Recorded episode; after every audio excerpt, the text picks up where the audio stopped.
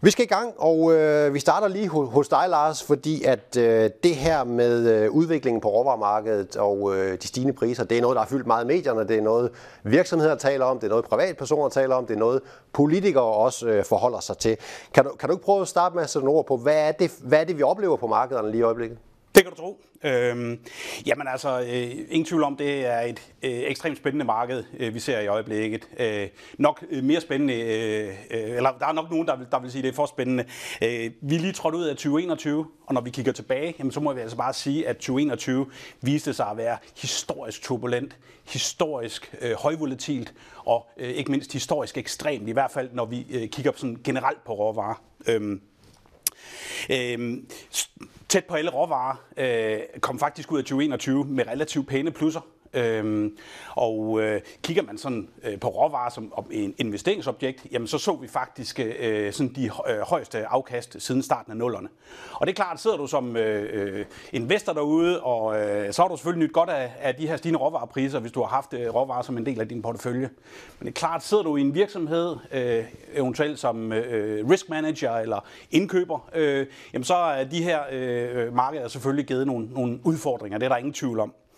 Når vi kigger sådan lidt på, øh, hvad det er for nogle råvaremarkeder, der egentlig har, har deltaget i det her, så, så må vi bare sige, de her prisstigninger, dem har vi set på faktisk alle råvaretyper. Øh, lige fra metaller til energi øh, til øh, øh, afgrøder. Øhm, og øh, kan man sige, at, at de her stigninger har været sådan meget bredt funderet. Jamen det ser vi faktisk ved, at, at så forskellige råvarer som øh, du kan tage naturgas, kul, CO2-kvoter, kover, tin. Øh, på afgrøde kan du tage sådan noget som palmolie, øh, du kan tage øh, øh, raps og, og, og sågar europæisk, øh, hvad hedder det, øh, hvede. Jamen der har vi altså øh, fælles for de her set, at 2021, der har vi ramt nye all-time high øh, prisrekorder. Og det vidner altså om, hvor, hvor bredt funderet det her det er. Hvad er det, der har drevet de her priser bredt op øh, i, i den grad, som, som vi har set, Lars? Ja, men øh, jeg vil sige, der, der er selvfølgelig mange, øh, mange ting, og, og råvarer er generelt påvirket af rigtig mange forhold. Et er selvfølgelig den her grønne omstilling, som vi kommer mere ind på. Men hvis man sådan skal tage det lidt op i helikopteren, øh, så er der ingen tvivl om, at de her høje priser, de er, øh, kan man sige, øh, et symptom på nogle meget store og, og faktisk øh, øh, tiltagende ubalancer i systemet. Øh, ubalancer, der egentlig sådan helt banalt kommer til udtryk ved, at vi har simpelthen bare forbrugt flere råvarer, end, end vi har kunne øh, øh producere. Og det har givet sig udslag i, at, at vi faktisk for langt de fleste råvarer i øh, løbet af 2021 har set generelle underskud på, på de her øh, øh, forsyningsbalancer. Det har så igen haft den konsekvens, kan man sige, at Øh, Øh, at vi har set relativt pæne træk på, på lærerne. Øh, og her ved indgangen til 2022, der må vi bare konstatere, at på en lang række råvarer, særligt inden for metaller, men faktisk også når vi kigger øh, på visse råvarer inden for energi og inden for afgrøder, jamen der står vi altså med historisk lave lager. Og det, der måske er endnu mere bekymrende, eller i hvert fald øh, noget, øh, der er lidt faretruende, det er, at den her tendens, vi ser i lagerne i øjeblikket, den ser altså ud til at fortsætte her øh, øh, ind i 2022. Du var, du var lidt inde på det. Den grønne omstilling, det bliver også noget af det, vi skal forholde os til i dag. Øh, hvad betyder den her grønne omstilling for råvaremarkederne sådan helt øh, generelt? Den betyder faktisk rigtig, rigtig meget, vil jeg sige. Øhm, det er klart, den øh, har nogle direkte effekter på en række markeder, men vi ser faktisk også, at den har nogle indirekte effekter på en lang række andre markeder. Godt sige, grøn omstilling, det handler jo om hele den her energiomstilling, energitransformation, altså hvor vi bevæger os væk fra konventionelle energikilder øh, og, og sources over mod, øh, skal vi sige, mere vedvarende energikilder.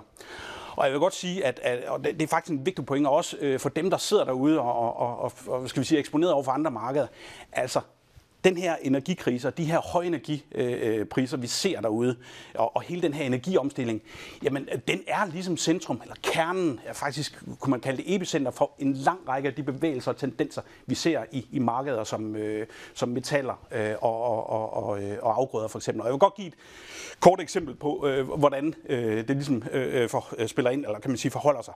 Kigger vi eksempelvis på metaller, øh, jamen så må vi sige, metaller, øh, når vi i hvert fald i, i, i relation til den her grønne omstilling, jamen der må vi bare sige, at, at skal vi komme den her grønne omstilling i møde, så øh, får vi massivt behov for en lang række metaller, særligt det vi kalder de grønne metaller. Det er dem, som kan man sige, skal bruges til at, og, og den, de massive investeringer, vi, vi, vi er nødt til at, at foretage, eksempelvis i, i sol- og, og vindenergi, i hele den her infrastruktur, hvor vi skal Øh, bringe den her grønne elektricitet rundt, og, og ikke mindst også i den her øh, elektriske bilpark, øh, vi også skal have bygget op, for bare at nævne nogle eksempler.